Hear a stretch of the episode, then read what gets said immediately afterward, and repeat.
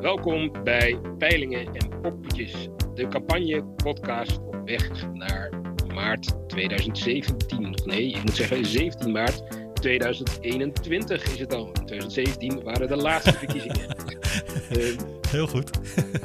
het is nu weer, ja, je zit al te lachen, Camille Rekman. Dat is mijn maat met wie we het samen gaan bespreken. De laatste stand eh, van zaken deze week. Het is vandaag 20 eh, januari, woensdag 20 januari, de dag dat Joe Biden geïnaugureerd is als president. It happened. Wij hebben... It happened, it happened. He is gone and he has come. Uh, maar goed, wie gaat de coming man of women worden in Nederland? We gaan het erover hebben. En laten we eens beginnen met uh, de game changer van de week, waar we deze podcast uh, mee beginnen. Camille, wat is jouw game changer? Nou, voordat ik dat ga beantwoorden, Ginio, wil ik even aan onze luisteraars uitleggen dat wij vooruitlopend op een wel of niet ontstaan van de avondklok, maar alvast via de telefoonverbinding hebben gelegd in plaats van naast elkaar te zitten. Dus dat verklaart even het verschil in audio tussen hoe u mij hoort en hoe u Ginio hoort. Nou ja, dat moeten we maar even op de koop toenemen om de actualiteit te kunnen bespreken. Ja, de gamechanger, Ginio. Nou ja, hè, we kunnen er niet omheen. De val van het kabinet en ja, de avondklok. Ik denk dat we daar even aandacht aan moeten gaan besteden. Want het is knap hoe in een, nou, pak een beetje weektijd de Kamer zich van uitgesproken tegenstander tegen een avondklok toch min of meer neigt te buigen naar voorstander voor een avondklok. Ja, nou ja, goed, we hebben vandaag natuurlijk die persconferentie gehad, waarin het kabinet dat voornemen heeft gedaan. Ja. Ja, goed, uh, het, het, lijkt er toch op dat ze dat niet zullen doen zonder dat ze in ieder geval denken het door de Kamer te zullen krijgen. Anders zou dat toch nogal een uh, blamage zijn. Ja, precies. Ja, maar toch, D66 uh, bij mond van Robiette heeft ze daar toch redelijk kritisch over uitgelaten. die zijn natuurlijk nu wat vrijer in demotionaire staat, althans nu het kabinet in demotionaire staat is. Dus ja, het is toch even de vraag dat gaat toch wel een pittig debat worden, denk ik. Ja, dat uh, vermoed ik wel. Zeker ook omdat doordat het kabinet afgetreden is en demissionair is, uh, en natuurlijk veel meer speelruimte ligt voor iedereen om toch wat meer uitgesprokener haar of zijn eigen visie en standpunten naar voren te brengen. Jij refereerde er al even aan toen ik jou daar straks belde, Ginio, dat uh, D66 nu ook heeft gezegd, uh, nou, kinderopvang, hè, daar gaan we toch ook een iets ander standpunt in innemen. we zijn daarin niet meer gebonden aan een coalitie en een regeringsverklaring. Of een, maar ja, je merkt meteen dat het speelveld veranderd is en dat viel mij overigens ook op bij GroenLinks. Want die waren weer heel eager en enthousiast om te roepen... nou, wij zullen het kabinet daar waar we kunnen volop steunen in... het demotionair uitvoeren van beleid ten aanzien van uh, de crisis rondom corona. Ja, nou ja, dat uh, is altijd welkom uh, natuurlijk. Extra zeteltjes waren er sowieso niet al veel. Hè. Ze hadden maar een meerderheid van 76 en met Van Hagen weg was er eigenlijk geen meerderheid meer. Dus uh, ja, de zetels van GroenLinks zijn hartelijk hart, uh, welkom. Kwam het jou niet haast als een belofte van GroenLinks over? Zo van, um, hè, aarzel niet, twijfel niet, wij zullen jullie daarin steunen. Uh, wij, dat... wij, leveren de stemmen, ja. Precies. Ja, nou, ik weet het niet. Nou, ik, ik, ik, ga, ik kan me toch niet voorstellen dat GroenLinks zich zo makkelijk uitlevert aan het kabinet. Zeker niet in campagnetijd. Misschien dat ze zich wel even als verantwoordelijke partij willen laten zien. Maar het lijkt me niet slim om uh, ja, nu uh, volledig aan de leiband van Rutte te gaan lopen. Dat uh, gaat niet echt scoren bij GroenLinks-kiezers, denk ik. Nee. dus ja, dat, ik denk dat dat weer even een, een oprisping was van Jesse Klaver. Net zoals hij, volgens mij was dat niet de afgelopen beschouwingen, algemene beschouwingen, die daarvoor. Dat hij zei van joh, ik ga overal voorstemmen. Want ja, eh, het is scorebordpolitiek om, uh, om, de, om uh, niet van tevoren te vertellen of uh, wat je gaat stemmen. Ja. Om spanning erin te houden. Nou, daar is hij ook snel op teruggekomen. Nou, scorebord, journalistiek of politiek, daar komen we straks nog even over te spreken in het blokje CDA. Want we hebben Pieter Omtzigt daarover even aan het woord. Waren we er wat dat betreft voor de Gamechanger, hebben we de agenda even door te nemen, Ginio. Want ja. de agenda van deze aflevering, aflevering 2 van Peilingen en Poppetjes, zal bestaan uit een blokje CDA en D66. En we gaan een tweede blok even praten over nou ja, de linkse oppositie en in hoeverre de vrienden... Het linkse blok. Het linkse blok, in hoeverre de vrienden van Ploemen... we hebben het linkse blok. Ja, precies. Daar gaan we ook even aandacht aan besteden. We hebben daar tussendoor nog het politieke boek of de politieke serie die wij van harte aanbevelen. En zo komen we deze aflevering door. Zullen we richting het eerste blok gaan? Lijkt me goed. Doen we.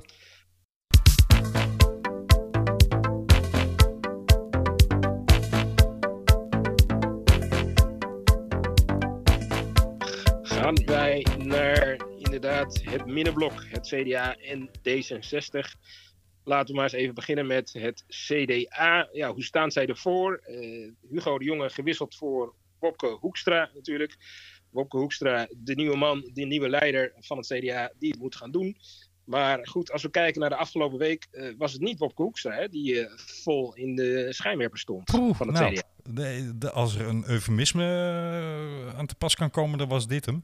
Um, nee, het was overduidelijk de nummer twee. En dat rijmt. Um, die de spotlight had. En um, ja, eigenlijk ook een, een, een compleet andere machtsverhouding wilde schetsen en, en liet zien.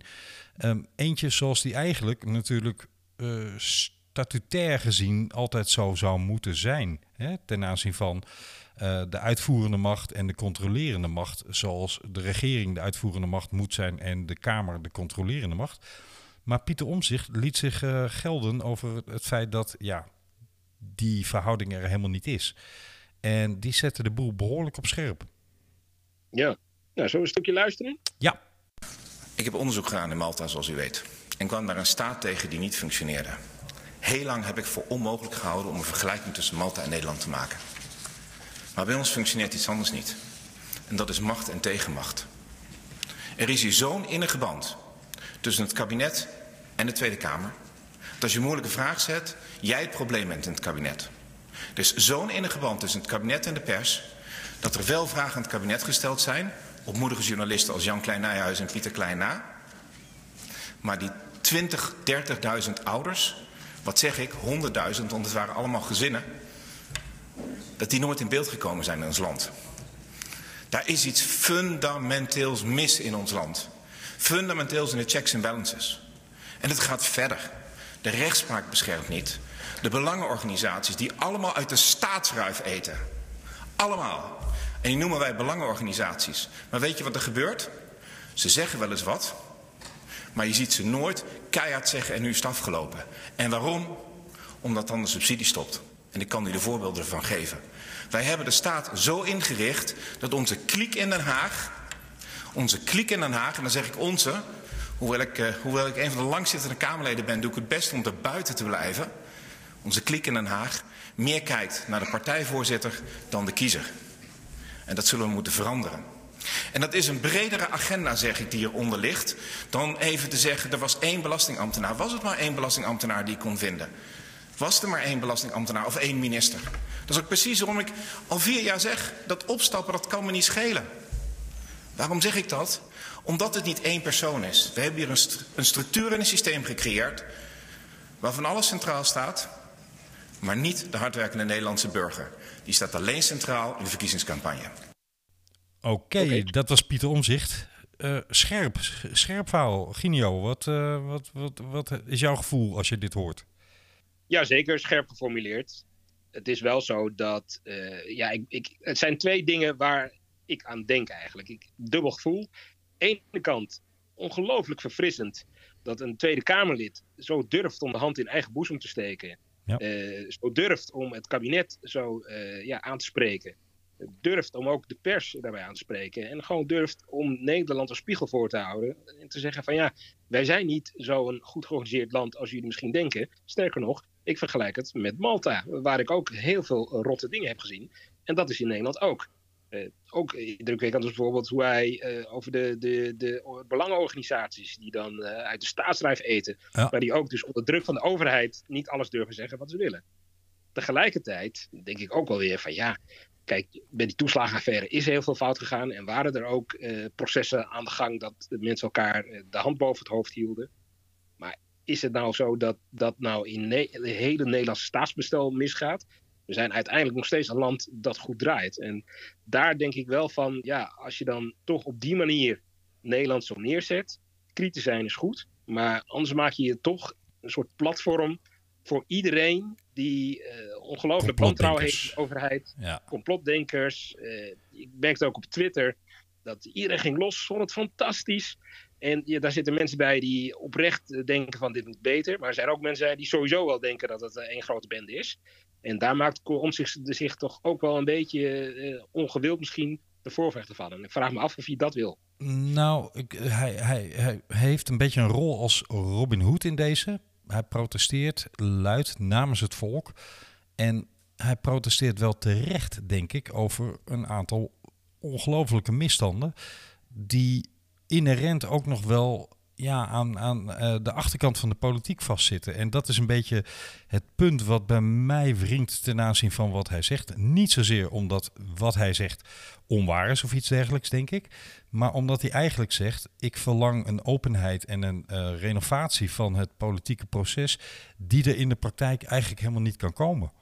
Politiek is heel veel achterkamertjes. Politiek is met elkaar overleggen achter de gordijnen. Politiek is het compromis zoeken en daar doe je niet alles in de openbaarheid in. Dat is nou eenmaal de waarheid. Of die nou mooi is of lelijk is, maar dat is wel de waarheid. En hij zegt eigenlijk, een heel groot stuk van dat proces zou openbaar en in de schijnwerpers moeten kunnen zijn. Ja, ik vraag me af of dat reëel is. Maar wat, wat nog veel belangrijker is, Ginio, ten aanzien van de campagne. Pieter Omzicht is de nummer twee van het CDA. En eigenlijk zegt Pieter Omzicht, I'm a force to be reckoned with. En ongeacht of Hoekstra het nou prettig vindt of niet, hier zit wel iemand die eigenlijk zegt: um, ik hoef mij niet populair te maken onder mijn medepolitici ten aanzien van de premier, ten aanzien van welke uh, ja, machtsbanden er ook zijn. Ik wil namelijk gewoon mijn rol als Kamerlid kunnen spelen zoals die eigenlijk bedoeld is, namelijk controleren zonder aanzien des persoons. Dat, dat zet wel de boel op scherp, hè? Ja, absoluut. kijk, je, ja, je kan je toch niet, uh, je kan toch niet helpen om jezelf af te vragen hoe de strijd was geworden als omzicht de lijsttrekker was geweest van het CDA. Ja. omdat, dan had je namelijk echt een, een, een, een premier gehad. Uh, de, de, ja, de, zeg maar de, de, de, de, de gele truidrager, om het zo, zo te noemen. Uh, om in jouw uh, te spreken. en de uitdager de, de, ja, de haast oppositieleider, uh, die dan daar tegenin zou zijn gegaan met een nieuwe agenda en uh, moet een nieuwe overheid komen. Dat is echt een mooie botsing geweest. Je merkte ook in het debat dat uh, ja, Omtzigt was eigenlijk de enige voor wie Rutte ja, echt vrees had, schrik had. Hij bood zijn excuses aan. Op zijn plaats. hij bood zijn excuses aan. Hij werd soms bijna nederig. en zei, ja, meneer Omtzigt, alle suggesties nam je dan over. Van ja, zullen we het dan zo doen? Zullen we het dan zo doen? Dat was alsof een ja, een, eh, zeg maar een, een, een, iemand die hogerop wilde, uh, even aan het likken en lijn was bij zijn baas van, uh, goh, die suggestie zullen dit zo oppakken, zullen we dat zo oppakken. Dus dat is wel, dat is bijna bizar om te zien. Maar goed, voor Hoekstra is het enerzijds lekker, hè, want hij heeft nu een attack dog om zich kan losgaan op Rutte.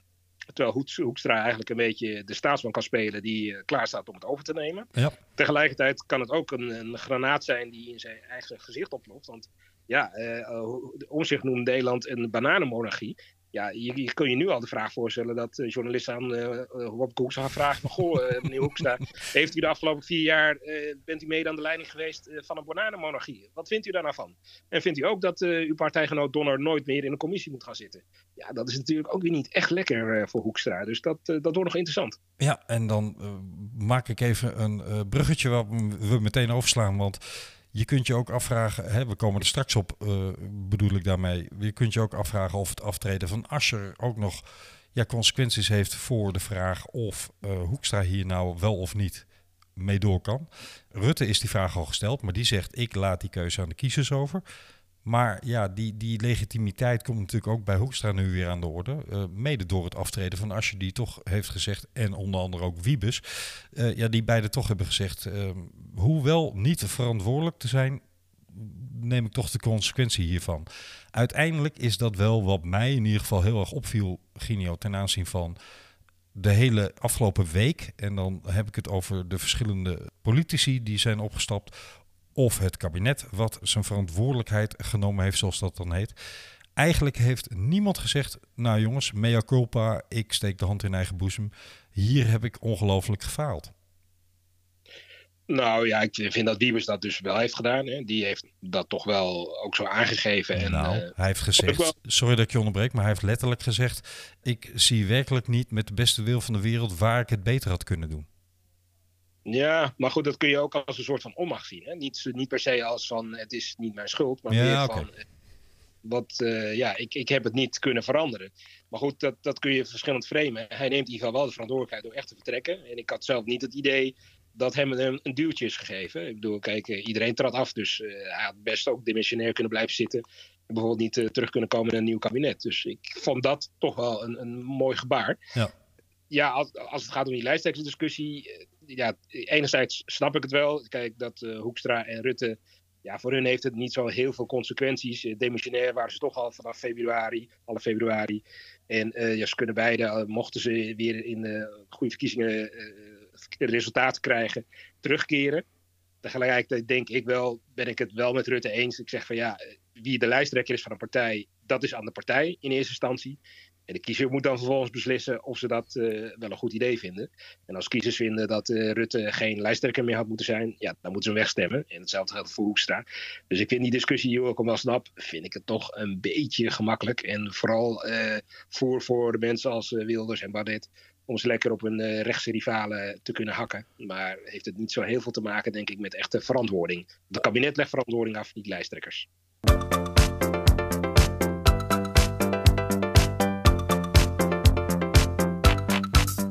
Ik, ik snap je, eh, ik snap je punt. We zullen wat dat betreft richting de verkiezingen eh, deze vraag nog wel een paar keer tegen gaan komen, vermoed ik. Of althans, die aanval zullen we nog wel een paar keer gaan, eh, gaan tegenkomen. Want ja, all in love and war is fair hè, voor de, de oppositie, de oppositiepartijen. Anderszins, Ginio, is natuurlijk de vraag, hoe moet Hoekstra zich gaan profileren? En jij als CDA-ankerhoogt, zoals je dat zo mooi omschrijft, bent wat dat betreft voor mij natuurlijk de expert om uit te leggen. Hoe kan Hoekstra hier nou een verkiezingswinst uit gaan slepen? Ja, nou kijk, wat, ik al zeg. ik, ik, heb je al verteld dat ik eh, zelf een eh, nou, half jaar, denk ik, of eh, negen maanden samen met Wopke Hoekstra in het CDA-bestuur van Amsterdam heb gezeten. Toen heb ik wel zijn, eh, zijn modus operandi van dichtbij gezien. En ik kan één ding vertellen, het is een echte winnaar. Hè. Hij houdt niet van eh, verliezen, doet er echt alles aan om te winnen. Toen hij eh, senator wilde worden, ja, dan moet je dan eh, langs, door allerlei afdelingen voorgedragen worden. En hoe hoger je komt, hoe beter. Dus had hij gewoon allemaal mensen voor zich gewonnen. Dat was hij altijd goed in. Gescharreld om een soort telefoonteam voor hem te zijn. Om dan ja, al die afdeling, afdelingsvoorzitters langs te bellen. Om eh ja, Wopke Hoekstra te verkopen. En eh, ik was dan een van de telefonisten, om het zo maar te zeggen. en, Het eh, veldteam. eh, Ja. ja. normaal gesproken, ja goed, ik sprak hem wel eens van niet eh, heel vaak, maar eh, die, die dagen dan had ik hem echt eh, letterlijk eh, elk kwartier aan de lijn, dat ik even verslag moest doen welke afdeling eh, ik eh, had gedaan en wat eh, de succesrate was. Ik heb het niet gezien, maar ik vermoed dat hij eh, thuis met een, op een tafel een groot Excel-sheet had staan met allemaal kleurtjes welke afdelingen veroverd waren. Dat heeft geholpen. Hij werd senator op 35-jarige leeftijd. En ja, eh, heeft dat gewoon eh, goed gedaan en is snel eh, doorgeklommen. En als je dan dat doortrekt naar de campagne nu, het willen winnen, dan is in ieder geval, wordt hij wel gezien als qua populariteitscijfers eigenlijk vrijwel de enige, of in ieder geval degene die het dichtstbij komt. Van goh, dat zou ook een premier kunnen zijn.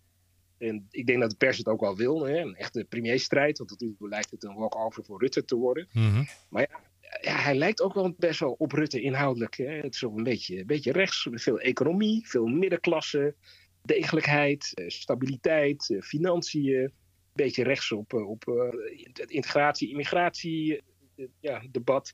Dus in die zin ja, wordt het best lastig om, voor hem om zich te onderscheiden, denk ik. Ja, En omschre- dat- ja, omschreef hem een keer, Ginio, als Rutte, maar dan met vrouwen en vier kinderen. Ja, eigenlijk wel. Ja, ik, heb, ik heb een keer op, eh, op Twitter zag ik dat voorbij komen. Iemand die spotte zei van nou, eh, we moeten weer wat anders. En dat was dan een foto eh, van Mark Rutte in wit hemd, hemdsmouwen. en een spijkerbroek. En, en daarnaast Wopke Hoekstra, spijkerbroek en een wit hemd opgerold in hemdsmouwen. Gewoon ja, precies hetzelfde. Ja. ja, en ik denk dat dat voor, voor Hoekstra, ja, die zal toch met iets moeten komen om zich van Rutte te onderscheiden. En ja, hem hard aanvallen is lastig, want ja, dan ben je niet staatsman genoeg staatsmannelijk genoeg. En uh, ja, Rutte is toch relatief populair, dus het kan ook uh, tegen je keren. Bovendien uh, heeft Hoekstra, net als Rutte overigens, gewoon nog veel werk te doen. De corona giert alom. Hoekstra moet flink aan de bak om mensen te gaan compenseren en noem het maar op. Mm dus in die zin is ja, Pieter om zich dan heel handig. Precies. Maar ja, tegelijkertijd zal Hoekstra toch ook zelf enig zich moeten onderscheiden van, van Rutte. Nou. En mijn, mijn take is dat de enige manier om dat te doen is, is het toch te benadrukken. Waarom, eh, Hoekstra, ben je uiteindelijk een CDA en geen VVD'er? Wat drijft jou dat je CDA bent? En dan denk ik toch een moderne versie van normen en waarden. Fatsoen moet je doen. Integratie is uiteindelijk een normen en waarden debat. Uh, hoe gaan we financieel met elkaar om, ook in de middenklasse, et cetera. Uh, daar zitten ook normen en waarden in. Dus ik denk dat, dat als hij daar een, een goed verhaal weet te uh, treffen, dat hij zich daarin kan onderscheiden van Rutte, die na al die jaren met al die verschillende partijen toch een beetje kleurloos is geworden. Dat zou wat kunnen zijn. Maar ja, makkelijk wordt het niet. Nee, ik, ik, ik, ik denk eerlijk gezegd, Ginio, nou laat ik het anders zeggen. Ik, ik zou, uh, bied een, een campagne alternatief wat zich de komende weken kan ontplooien. Namelijk dat ze de uh, Robin Hood, de held van het volk, Pieter Omzicht nu volop gaan inzetten. Waarom? Die kan als het ware zeggen: Kijk, ik ben een langzittend Kamerlid, maar ik heb een, uh, een onbesmet blazoen. Aan mij kleeft geen smetje. Hè. Mij treft geen blaam. Maar ik, uh, uh, ja, ik, ik signaleer alle ontijdingen in de Kamer. Met name die van de afgelopen tien jaar Rutte. En dat is natuurlijk wel iets waarop het CDA zich nu enorm kan profileren. Zonder dat dat de positie van Hoekstra per se in gevaar brengt. Want ja, die kan dat voortouw gewoon bij omzicht laten. En ja, maar, maar dat verzwakt hem dan ook tegelijkertijd, denk ik. Want als je dan juist uh, omzicht dan als naar voren gaat eh, schuiven als paradepaardje, mm -hmm. ja, dan leed Hoekstra daarbij. Net zoals we eigenlijk nu uh, aan het begin spottend zeiden van, nou ja, Hoekstra was niet bepaald de CDA die het meest in het oog sprong. Ja, dat is één keer kan dat natuurlijk. Zeker bij zo'n debat over de toeslagenaffaire, wat gewoon echt omzichts ding was. Ja. Maar ja, als je dat consequent gaat krijgen, dat omzicht ja, de meest dan krijgen we een inhuisrevolutie. Campagne, ja, ja, dan wordt uh, Hoekstra bleker en bleker. En dan ga je bijna een soort Rutte-Verdonk situatie krijgen. Dat ja. uh, om zich uh, misschien nog wel meer voorkeurstemmen Hoekstra krijgt. Of sterker nog, dan krijg je misschien wel, zoals Ruud Lubbers ooit Ilko Brinkman asserveerde, hè, een dergelijke toestand. Dat, dat moet natuurlijk voor het CDA voorkomen worden. Althans, zo zal het CDA erover denken. Nou, het, wordt, het, wordt, worden spannende weken. En er ligt een, een taak voor Hoekstra om, ja, om ruim ruimte te creëren voor zijn verhaal. Ja, maar dus wat, wat, wat zie jij als, jij als jij als jij het beschouwt? Liggen de kansen voor, noem toch maar het duo Hoekstra-Omzicht tegenover Rutte? Of wordt het een moeilijk verhaal? Vorige week zou ik deze vraag met absoluut een onmogelijk verhaal hebben beantwoord. Nu denk ik, omdat het kabinet gevallen is en er daardoor toch wat meer ruimte in de campagne ontstaan is, denk ik dat er enigszins een mogelijkheid is maar ik zeg het met deze aarzeling, enigszins een mogelijkheid. Ik zie niet dat het CDA 1, 2, 3 dicht bij die, nou ja, variërend tussen de 33 en 43 zetels in de peilingen van de VVD komen.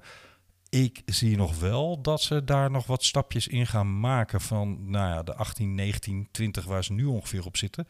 En dat ze misschien wel ergens midden 20 gaan uitkomen. En dat dat daarmee natuurlijk een sterker blok wordt naast of tegenover de VVD. Ja. Ja. Maar ik zie het niet, niet als een eh, close run uh, eindigen, nee. Ja.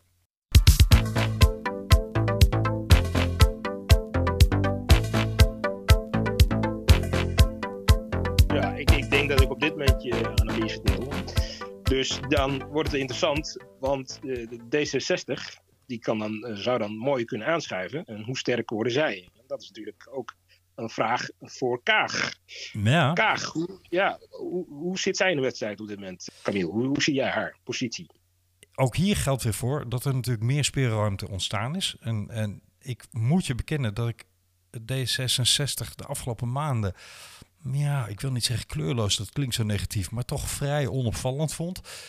En nu wil ik toch wel even afwachten van hoe gaan die zich positioneren als zeg maar het redelijk alternatief in veel ogen. Ik zeg niet dat dat mijn opvatting is, maar veel mensen hebben toch in, uh, bij de vorige verkiezingen D66 gestemd omdat ze een soort van tegenwicht wilden stemmen. En um, ja, ik ben benieuwd hoe dat de komende week gaat uitpakken. Ik zie hier wel ruimte in. Al moet ik zeggen, en dan loop ik weer even vooruit op de zaken, maar het blokje, het linkse blok straks, dat met het aantreden van Ploemen er wel degelijk geduchte concurrentie ontstaan is. Want ja, de mensen die D66 stemmen om de links-liberale kant van de partij, die zien nu toch ineens ook een, een, linkse tweede vrouw aan het front. En um, hadden we natuurlijk Lilian Marijnus bij de SP ook al. Maar als je de PvdA even tussen die twee blokken inplaatst, dan hebben ze daar nu ineens toch wel ja, een, een net zo gestudeerde vrouw die ja, zelfmeet is. En... Kijk, kijk uit wat je zegt. ja, ja, ja. ja Lilian nee. Marijn is niet gestudeerd of geschoold dan? Lilian Marijn is zeker wel. Nee, maar de SP is geen, geen afweging voor de meeste D66-kiezers, laat ik het zo zeggen. En uh, er zal wel iets meer overloop zijn tussen PvdA Nee, je begaf je op glad ijs, dus ik dacht ik red je even. Ja, ja, ja, dank je, dank je. Nee, wat ik ermee bedoel is, er, er is ineens wel concurrentie voor de positie Kaag, al zijn er wat dat betreft ja, uh, ook voldoende vlakken waar uh, de partijen elkaar niet raken. Hè? Dat uh, is evident. Ja, ik snap wat je bedoelt. Kijk, zowel Kaag als Ploemen, die hebben beide of zijn, of zijn beide minister geweest. Dus die hebben echt bestuurservaring op landelijk niveau. En dat zijn twee dames die ook duidelijk premiersambities hebben. Dus in die zin is dat voor Kaag wel echt een geduchte concurrent. En voor zijn, beide, zijn beide op hetzelfde ministerie werkzaam geweest, hè? En werkzaam. Ja, zoals dat. Ja, precies. Inderdaad, zoals dat. Ja, dus tussen het narratief, zoals het van Kaag, van ja, ik uh, word de eerste vrouwelijke premier en ik heb daar echt uh, kans op. Ja, dat wordt nu wel, dat verwatert uh, nu. En ik zag op Twitter ook wel een spottend, ja, spottende tweet, waarin eigenlijk wordt aangegeven van, oh jee, daar gaat het enige echte narratief van D66. Eigenlijk het enige echte campagnethema. Dat was wel een beetje snerend van, ja, wat heeft D66 eigenlijk op dit moment te bieden? Behalve uh, ja, dat ze misschien Kaag als eerste vrouwelijke premier kunnen, maken. Ja, en dat is natuurlijk wel een beetje pijnlijk. Want ja, als jij aan D60 denkt, Camille, wat, wat, wat zijn hun punten inhoudelijk op dit moment? Dat je denkt van oké, daarvoor zou ik D60 gaan stemmen als potentiële D60-kiezer. Ja, dat vind ik een uh, bijna onmogelijke vraag. Want ik, ik vraag me al twintig jaar af waar die kroonjuwelen toch eigenlijk verdwenen zijn. En wie ze aan de wil gehangen heeft de, de politieke staatsvernieuwing waar de partij natuurlijk ooit om begonnen is, die is toch ja, verwaterd tot helemaal niks. En sterker nog, D66 heeft in de afgelopen kabinetsperiode gewoon keihard voor het, of tegen het bindend referendum gestemd. Voorgestemd om dat af te serveren. Ja, ik zie het eerlijk gezegd niet zo. Nee. Jij wel? Nee, kijk, nu is het wel zo dat. Kijk, ik uh, zeg altijd gekscherend dat D60 toen zij dus uh, ja, in uh, 66 begonnen en uh, bij de eerste verkiezingen volgens mij negen zetels haalde, wat uh, in die tijd een gigantisch aantal was. Volgens mij dat toen de Tweede Kamer zelfs nog op uh, eh, 100 zetels bestond, als ik het goed heb. Maar in ieder geval, het was heel veel voor die tijd als nieuwe partij. Mm -hmm. Dat zij toen eigenlijk een, een, een, ja, een hedendaags forum voor democratie waren. dat zullen ze niet leuk vinden, want inhoudelijk staan ze natuurlijk niet heel dicht bij Forum. Maar wel een beetje hetzelfde schoppen tegen de partijelite, het partijkartel en anti-establishment. En ja, in de, nou ja, wat is het, 30, 40 jaar dat zij nu bestaan, zijn zij nu toch gewoon een establishmentpartij geworden. En dat blijkt inderdaad uit uh, het, de, de nekomdraai van het referendum. Dat dat D60 uh, voornamelijk heeft gedaan. Dat is eigenlijk toch in zekere zin, voor een deel, is, is gewoon het hart van de partij daarmee uh, verkocht. Ja. Nu moet ik wel zeggen dat in de afgelopen jaren onder Tom de Graaf hebben ze bijvoorbeeld onderwijs echt als, als thema geclaimd. Bij Pechtold was het toch echt het renoveren van de sociale zekerheid eerste partij die uh, durfde te zeggen van uh, de pensioenleeftijd uh, moet omhoog naar 67. Dus daar hebben ze echt wel dingen bijgedragen en, en kleur op gehad. Maar dat is nu wel echt wel verwaterd op dit moment. Ik zou op dit moment niet heel snel kunnen noemen, ja, waar kan D60 inhoudelijk mee scoren? En ja, dat is toch wel een reëel probleem, denk ik. Ja, misschien hebben wij hier dan een klein beetje huiswerk voor onszelf. Dat we in de volgende uitzending hier nog even op terugkomen. En ja, toch naar voren brengen in ieder geval één of twee punten uit het partijprogramma waarin we van we zeggen, nou, dat uh, heeft toch nog steeds dat vernieuwende element in zich of iets dergelijks. Laten we die opdracht. Uh, ik ben benieuwd of we dat gaan vinden, maar laten we dat inderdaad. Uh, de uitdaging. dat inderdaad doen. Ja, laten we die uitdaging aangaan. De spindokters die hier naar luisteren, die zullen tevreden zijn dat we dan voor hun gaan zoeken wat onderscheidend kan zijn. Hey, ze kunnen ook reageren, hè, Ginio? Namelijk op, op Twitter. Ja, op Twitter. Uh, we hebben een, een mooie uh, tweet-handle. Dat heet uh, P-poppetjes. Dus dubbel P en dan poppetjes. P-poppetjes. P-poppetjes. Je kan ook gewoon zoeken op peilingenpoppetjes. Dan vind je hem ook. En je kan ook mailen naar peilingenpoppetjes.gmail.com. Dus als je feedback hebt, tips of gewoon wil laten weten dat je het ontzettend leuk vond, vinden we ook leuk. Laat het weten.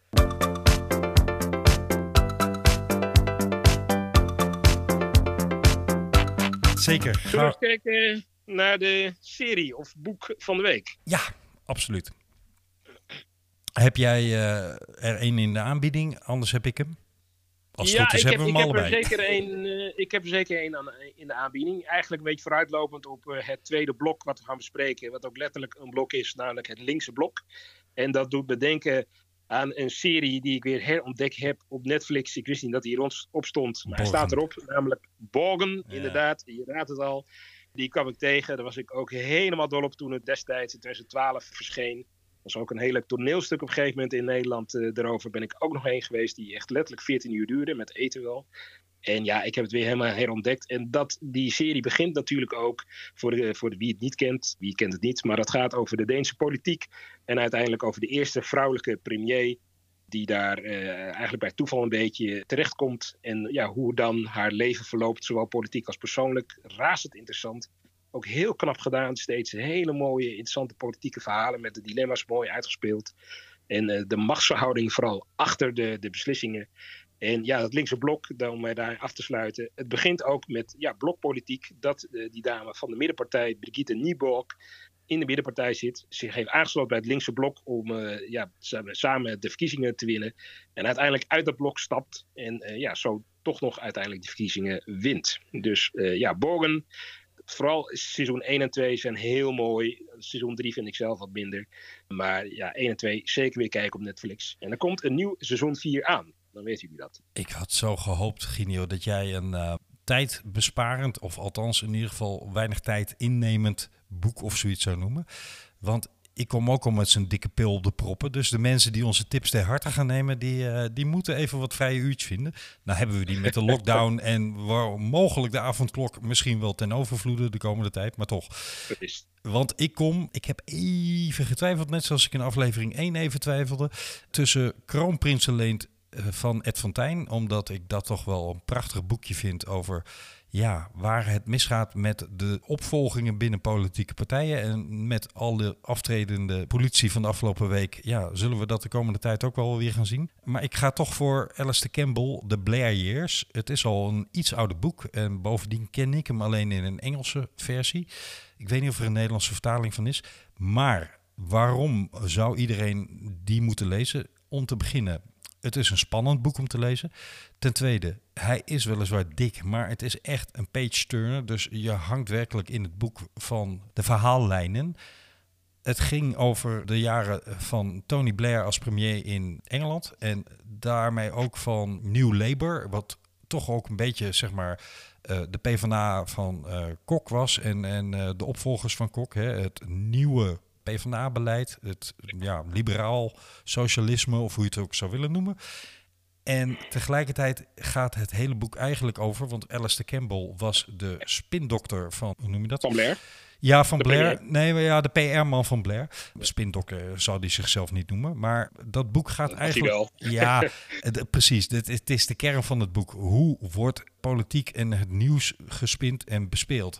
En dat boek lezende ga je echt dingen herkennen in de hedendaagse politiek, ook in Nederland. En zul je zien dat dingen die ja, in de Kamer besproken worden of in de diverse talkshows enzovoorts, er zit een boodschap achter. En die boodschap wordt herhaald, herhaald, herhaald en nog eens herhaald. En die boodschap wordt gespind. Waarom komt iets naar buiten? Is niet per ongeluk. Alles is met mensen op de achtergrond besproken, doorgenomen. Interviews worden geoefend, enzovoorts, enzovoorts ooit in deze serie kom ik nog wel een keer op uh, het beroemde interview met onze oud-CDA Koetje. Wat eigenlijk het tijdperk in Nederland inluidde van de eindredactie bij de politieke partijen hebben. Hè? In plaats van dat een journalist zelfstandig koos voor wat het interview uiteindelijk wordt. Uh, maar daar komen we later op. Maar begin met het lezen van Alistair Campbell, The Blair Years. En je, ja, je, de, de oogkleppen vallen uh, je af over wat het politieke spel nou ja, inhoudt. Ja, heel mooi. Uh, dank voor je bijdrage. Ik vind het toch nog wel één leuke opmerking daarover dat zowel Borgen als jouw boek The Blair Years dus eigenlijk als kennen ook een spindokter hebben. Bij mij Casper Juhl en bij jou dan Alistair Campbell. Die hebben ook veel met elkaar gemeen wat het bespelen van de pers betreft. Ja.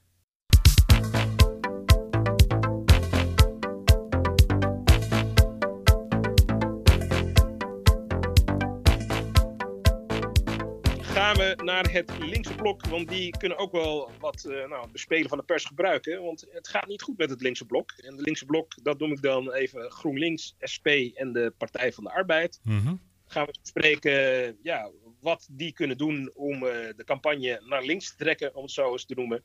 Meesters Camille, de drie, bij de laatste peiling van Maurice de Hond staan die drie linkse partijen alle drie op 10 zetels, 30 zetels bij elkaar. En de VVD alleen heeft er in diezelfde peiling 35. Dat is toch wel pijnlijk. Uh, wat, wat is jouw verklaring daarvoor? Ja, deels wat ik in aflevering 1 al een keer geroepen heb, namelijk dat de politieke tendens naar rechts aan het opschuiven was de afgelopen decennia. En ik denk dat eigenlijk sinds eerst kabinet Den Uyl er nooit meer een, nou misschien in 1978 nog, maar daarna nooit meer echt een, een reëel zicht op een linkse meerderheid geweest is. Daarnaast, PvdA wordt altijd afgerekend op regeringsdeelname. Hè, net zoals de VVD dat vroeger had, samen met het CDA. Zo had de PvdA eigenlijk ook altijd wel last van in de regering zitten en verantwoordelijkheid nemen. Maar je ziet nu ook dat de SP eigenlijk ja, niet verzilverd waar, waar uh, zich misschien wel de spotlight mee haalt. Ik ben een beetje uh, geneigd om te zeggen, het heeft te maken met het feit dat, maar dit is een beetje een algemenisering en ook een beetje een dooddoener. Maar het verhaal van links is over het algemeen gestoeld op hoop en op verandering en op beïnvloeding en op eigen initiatief. En het verhaal van rechts is over het algemeen meer op behoud. En uh, hoe je het wint of keert, zijn er toch ook op de rechterkant op het ogenblik politieke partijen actief die vooral ook op angst inspelen. En dat, dat verhaal beklijft over het algemeen beter. Dus ja. ja goed, dan, dan, ga je, dan ga je inderdaad wel heel makkelijk uh, de bocht in. Want Klopt. Dat, Moet een beetje compact, dat, hè? nou ja, kijk, wat, kijk wat, wat ik wel interessant vind, en daar zou ik jouw visie wel even over willen horen. Ik, ik zag, ja, ik haal mijn uh, informatie op Twitter, blijkt. Maar ik zag toch een mooie Twitter, tweet voorbij komen van Keklik Yucel. Dat is een dame bij die actief is geweest op de Partij van de Arbeid. Maar toch um, zeker op zeg maar, integratie, immigratie wat kritischer beeld heeft. Volgens mij noemen ze zichzelf vrij links. Eddie Terstal, die filmregisseur, is daar ook een beetje een aanhanger van. Ja. En die twitterde zoiets van, nou ja, hè, dus deze peilingcijfers van, nou ja, VVD is groter dan die drie links bij elkaar. En ze voegden er iets aan toe. Identiteitspolitiek is een drama. En dat komt eigenlijk een beetje dan neer op de discussie van ja, linkspartijen zijn veel te veel bezig met, met gender, met Zwarte Piet, met uh, nou ja, antidiscriminatiecursussen, met woke zijn, zoals het dan heet. En die zijn eigenlijk niet bezig met de problemen van de echte mensen. Dat is eigenlijk, uh, nou, kort gezegd, dan die analyse. Wat, wat vind je van die insteek?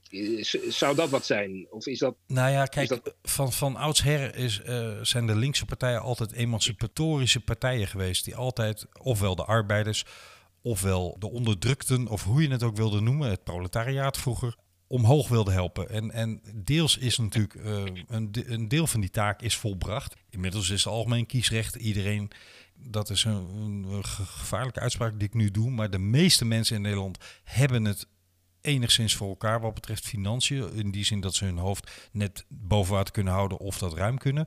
Dus de, de, de daadwerkelijke kern van het bestaansrecht van een P van de A is natuurlijk verschoven door de jaren heen. Je ziet aan de opkomst van de SP dat er wel degelijk nog, nog mensen zijn die uh, die emancipatorische waarde van zo'n socialistische partij, uh, dat ze daar sterk aan hangen. Anders zou die partij niet ter linkerzijde van de PvdA kunnen bestaan. er is wel ruimte, alleen de narratief van links klopt gewoon de laatste jaren niet. En ik moet zeggen, het aftreden van Ascher, ik heb Ascher op het Stadhuis in Amsterdam meegemaakt. Ik heb zelfs het genoegen gehad hem nog te mogen interviewen. Ontzettend aardig vent, met het hart absoluut op de goede plek. En toch denk ik dat hij uh, terecht afgetreden is, omdat ik inderdaad vind dat met het uh, ministerie van VWS, wat verantwoordelijk was voor de uitvoering van die wet op de toeslagen, uh, ja, dat je daar niet kan blijven zitten zonder de consequentie voor te nemen. Met Ploemen dienen zich nieuwe kansen aan voor de PvdA. En toch is het natuurlijk ook weer niet een lekker moment zo midden in de campagne. Maar misschien is dit wel het Job Cohen kantelmoment dat het ineens nu wel vooruit kan gaan in de peilingen. Ik zie het eerlijk gezegd niet zo snel gebeuren. Oké, ja, Job Cohen kantelmoment, dat, dat kan twee kanten op, hè, letterlijk figuurlijk. ik wist niet wat je bedoelde. Maar jij bedoelde zeg het moment dat hij het overnam van Wouter Bos en het toen weer beter ging met de Partij van de Arbeid. Dat kantelmoment natuurlijk ook kan zijn dat het uh, dramatisch ging, uh, waardoor hij op een gegeven moment weer ja, het veld moest ruimen. En overigens niemand minder dan Liliane Ploegen uh, hem een van de laatste zetjes gaf. Toen als partijvoorzitter zei. Precies. Goh, uh, uh, hij haalt er niet uit wat erin zit. Maar goed, dat even terzijde. Ik refereerde aan het laatste hoor, daar niet van. Ja. Ja, ja, ja, precies. Nog heel even terug naar, naar toch, want ik, ik zal toch ook met jou wel in mijn analyse delen van de, de linkse malaise. Ik wil dat je net vragen. Ja, ja ik, ik, ik denk gewoon, kijk, de, de analyse die jij stelt, die klopt wel, maar die is toch een beetje, met aspect voor jou, wat gedateerd. Want ja, het is natuurlijk al langere tijd zo dat links niet meer de, de ouderwetse arbeideristische, kapitalistische verheffingsdromen heeft. Omdat natuurlijk een grote middenklasse is ontstaan. Maar ik denk vooral dat links er op dit moment niet in slaagt om ervoor te zorgen dat ze voor gewoon een, een grotere groep kiezers aantrekkelijk zijn. Kijk, in de tijd van Kok He, toen was er ook, dat was ook de tijd van Blair, waar je ook net aan, aan refereerde. De tijd van Clinton. Nou, toen was het de derde weg. De tijd van Gerhard Schreuder in Precies, Duitsland. Ja. Uh, dat was dan toen de derde weg. En dat was het combineren dan van, van het socialisme met, uh, nou, met het kapitalisme eigenlijk. En met de vrije markt. Ja, het vrije marktdenken. En dat scoorde ontzettend goed. Kok, ja, en, en, en ook Blair, die, die hadden, dat waren middenpartijen geworden. Die dan voor, voor beide soorten kiezers aantrekkelijk waren. Ja. ja, wat ik nu denk, is toch, hoewel ik daar niet, zo, niet per se heel enthousiast van word, maar dat nog steeds, als het gaat om immigratie, integratie, op, op dat vlak, dat thema, waar dus Forum en de PVV uh, ja, heel goed op scoren, nou met name de PVV op dit moment, maar Forum ooit heel goed gescoord heeft, ja, dat uh, links daar toch een, een, een beter verhaal voor moet hebben. En met een beter verhaal denk ik ja, toch niet alleen het halleluja-verhaal van goh, uh, het komt allemaal goed en uh, we gaan een, hele mooie diverse samenleving uh, hebben, waar ik ontzettend voor ben. En dat moeten ze ook zeker blijven zeggen wat mij betreft. Maar ze moeten ook, denk ik, op een toch een, een, manier vinden om ook ja, de, de negatieve kanten te benoemen. En wat mij betreft zonder daarin door te schieten. Jij ziet dat in Denemarken, dat daar nu daadwerkelijk, niet in een serie, maar daadwerkelijk een vrouwelijke premier is, en een tweede trouwens al. Ja. Uh, volgens mij het met de Frederik, Frederikse uit mijn hoofd gezegd. Die is van ja, de Deense Partij van de Arbeid. Uh, nou, die heeft dan wel zeg maar het, het ouderwetse uh, socialisme vermengd met een soort snoeihard anti-immigratiebeleid. En daardoor ja, zit zij nu tegen het zadel. Nou, ik, ik, zou niet per se willen zeggen dat links dat zou moeten doen. Ik zou, ik zou dat ook niet per se toejuichen. Maar goed, ik denk toch dat dat wel een, uh, een iets is. En die Kiklik Yucel die ik net uh, citeerde met identiteitspolitiek is een drama. Ik vind het wat gemakkelijk. Ja, dat gaat echt niet alleen maar om, om uh, genderneutraliteit bij links. Ze hebben het ook echt over klimaat. Ze hebben het over betere arbeidsomstandigheden en, en noem maar op. Maar ik denk toch wel dat dit culturele element, dat links dat nog steeds niet goed onder de knie heeft. Dus ja, en ik denk ook gewoon dat ze, heel simpel, dat zijn toch poppetjes, dat ze op dit moment ook niet zo'n hele aansprekende figuren hebben aan de top. Ja, nou, Mirjam Marijnse. Vier jaar geleden, als ik je daar kort mag onderbreken, Ginio, vier jaar geleden was de nieuwe Justin Trudeau, hè, de premier van Canada, die was toch uh, bij GroenLinks te vinden in Nederland. Hè? Vol allure en noem maar op. En dat trok ja. in de peilingen, zeker in het begin ook, zeker wel uh, meer, meer zetels dan... Um, om te zeggen geen aansprekende figuren ben ik niet met je eens. Ook Ploemen is een selfmade vrouw met een ongelooflijk verhaal erachter. Uh, Lilian Ploemen, Ploemen, moet nog beginnen, hè? dus die, die ja, rekening oké. Maar en, Lilian Marijnissen... Klaver, klaver bij jou in te gaan. Ja. Uh, ik ben het met je eens dat hij uh, vier of drie jaar geleden, 2017 in ieder geval, dat hij bijna rockster was. Ook met zijn meetups en volle melkwegen, dat soort dingen. Alleen, je, je zult het mee eens zijn dat de ster van Klaver behoorlijk verbleekt is. Die is wat gedoofd, ja ja, hij heeft dat niet waargemaakt, hij heeft dat niet vastgehouden of, of uitgebouwd. En dus dan, en dan ga je eigenlijk het omgekeerde effect uh, krijgen, dat je bijna een soort has-been bent. Uh, want ja, heel hard natuurlijk, maar ja, dat, dat is dan wel een beetje zo.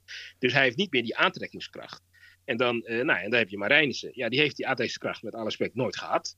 Ik bedoel, ze heeft alleen maar verkiezingen verloren. Ik heb dus wel eens nagegaan sinds ze begonnen is. Nou, gemeenteraadsverkiezingen, Europese verkiezingen was natuurlijk helemaal een schande. SP is uit het parlement verdwenen. Nou, hoe kan dat nou? Toch was het toch een redelijk gevestigde partij. Mm -hmm. Sociale statenverkiezingen waren een ramp. Uh, ja, en met die Tweede Kamerverkiezingen, ja, ik denk niet dat het heel veel beter gaat worden. Dus zij heeft de X-factor nooit gehad. Nou ja, wie hebben we dan nog meer? Uh, ja, dan hebben we Ascher. Ja, die natuurlijk wel ontzettend goed uh, debatteerde. Ook gewoon, nou ja, bijdrage uit de hoofd deed tijd de algemene beschouwingen. Gewoon een goed politicus is. Ja. Maar ja, uiteindelijk toch niet. Ja, de, de magneet is gebleken wat men had, had gehoopt. Nee, dus ja, kanon.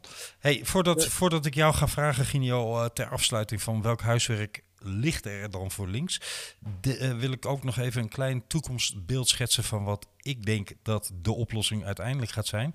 En daarin moet ik dan even terugkijken naar het verleden van notabene jouw eigen partij, uh, het CDA. Want ook daarin zie je, is eigenlijk dezelfde geschiedenis terug te vinden. Namelijk dat het aantal stemmen van de oorspronkelijke drie partijen die uiteindelijk het CDA zijn gaan vormen gaandeweg aan het afnemen waren. En dat de emancipatorische eigenschappen van die partijen ook aan het verdwijnen waren met de ontzuiling in Nederland. Nou, wat was toen uiteindelijk de oplossing? Door die drie partijen samen te voegen.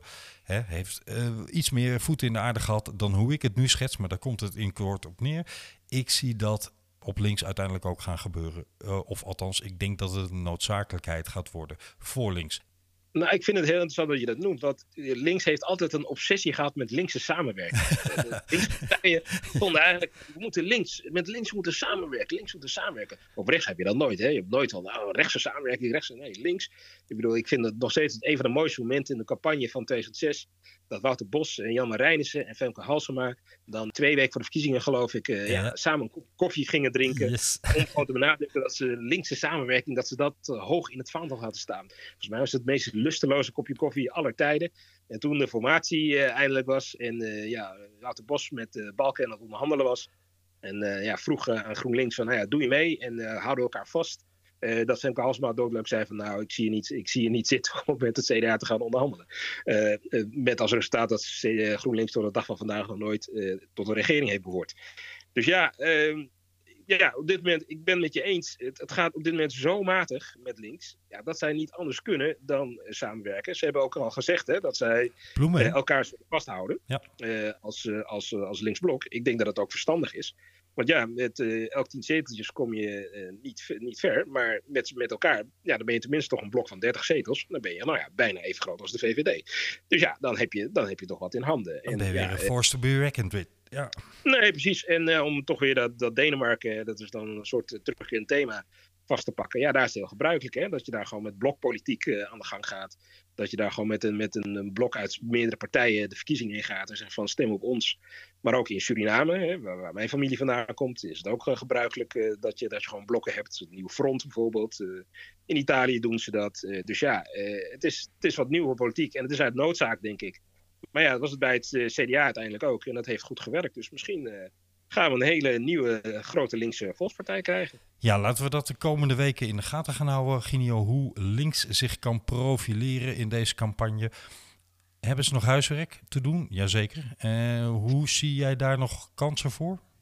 Dat profileren? Ja, ja, ik denk maar dat ze zich maar gewoon als blok moeten presenteren en uh, daarmee een soort kracht gaan uitstralen en zelfvertrouwen. Ja. En uh, ja, vooral die sociale rechtvaardigheid. Eigenlijk Pieter om zich thema weer naar zich toe trekken. Want uh, het is ook iets wat links zou moeten propageren. Dus daar moeten ze maar hun best voor gaan doen. En dan is Ploemen goed begonnen door te zeggen: Ik zal zeker niet in een regering gaan zitten zonder mijn linksvrienden. Ja, precies. Ik denk dat dat goed is om gewoon het, het links zijn te benadrukken. En, maar goed, daar moet ook inhoud aan, aan gekoppeld worden. En ja, dat, uh, dat moet ze gaan uh, bewijzen de komende weken. Dus, uh, maar ze scherpt die beter. Dus ik, ik zie haar wel, ik geef haar wel wat star quality toe. Dus, het frappante is wel hè, dat daar waar in het verleden natuurlijk de PvdA de arrogantie kon hebben vanwege het aantal zetels wat ze altijd hadden om te zeggen, nou, we kunnen er wel vrij makkelijk vanaf zien. daar heeft de PvdA nu het voortouw bijna, althans in, in de publiciteit op dit moment zou dat ook iets met een iets wat nederige positie ten aanzien van het aantal zetels te maken hebben? Ik vermoed van wel, hè? Ja, zeker. Ik bedoel, uh, ze zijn op dit moment in de Kamer uh, de kleinste linkse partij. Dus, uh, Daarom, ja, exact. Dus, nou, we gaan dat de komende weken volgen, Ginio. Hoe kunnen mensen ons volgen? Laten we nog een keer ons Twitter-adres roepen. Ja, dat is dus @p_poppetjes en dat is dus twee keer P en dan poppetjes. En je kan het ook vinden door uh, te zoeken op Twitter op peilingen poppetjes. Dan kom je tegen. Of je kan ons mailen op peilingenpoppetjes.gmail.com. Yes. En daar kun je van alles en nog wat uh, achterlaten. Uh, adviezen, tips, feedback. En gewoon dat je blij met ons bent. We zien het graag verschijnen. Wanneer zijn we er weer? We gaan gewoon uh, over een week gaan we weer lekker aan de slag. Helemaal goed. Dus, dan uh, hoop ik dat alle luisteraars dan weer afstemmen op peilingen en poppetjes. Ginio, dank. Camille, dank. En tot de volgende keer. Tot de volgende. Adios. Hoi.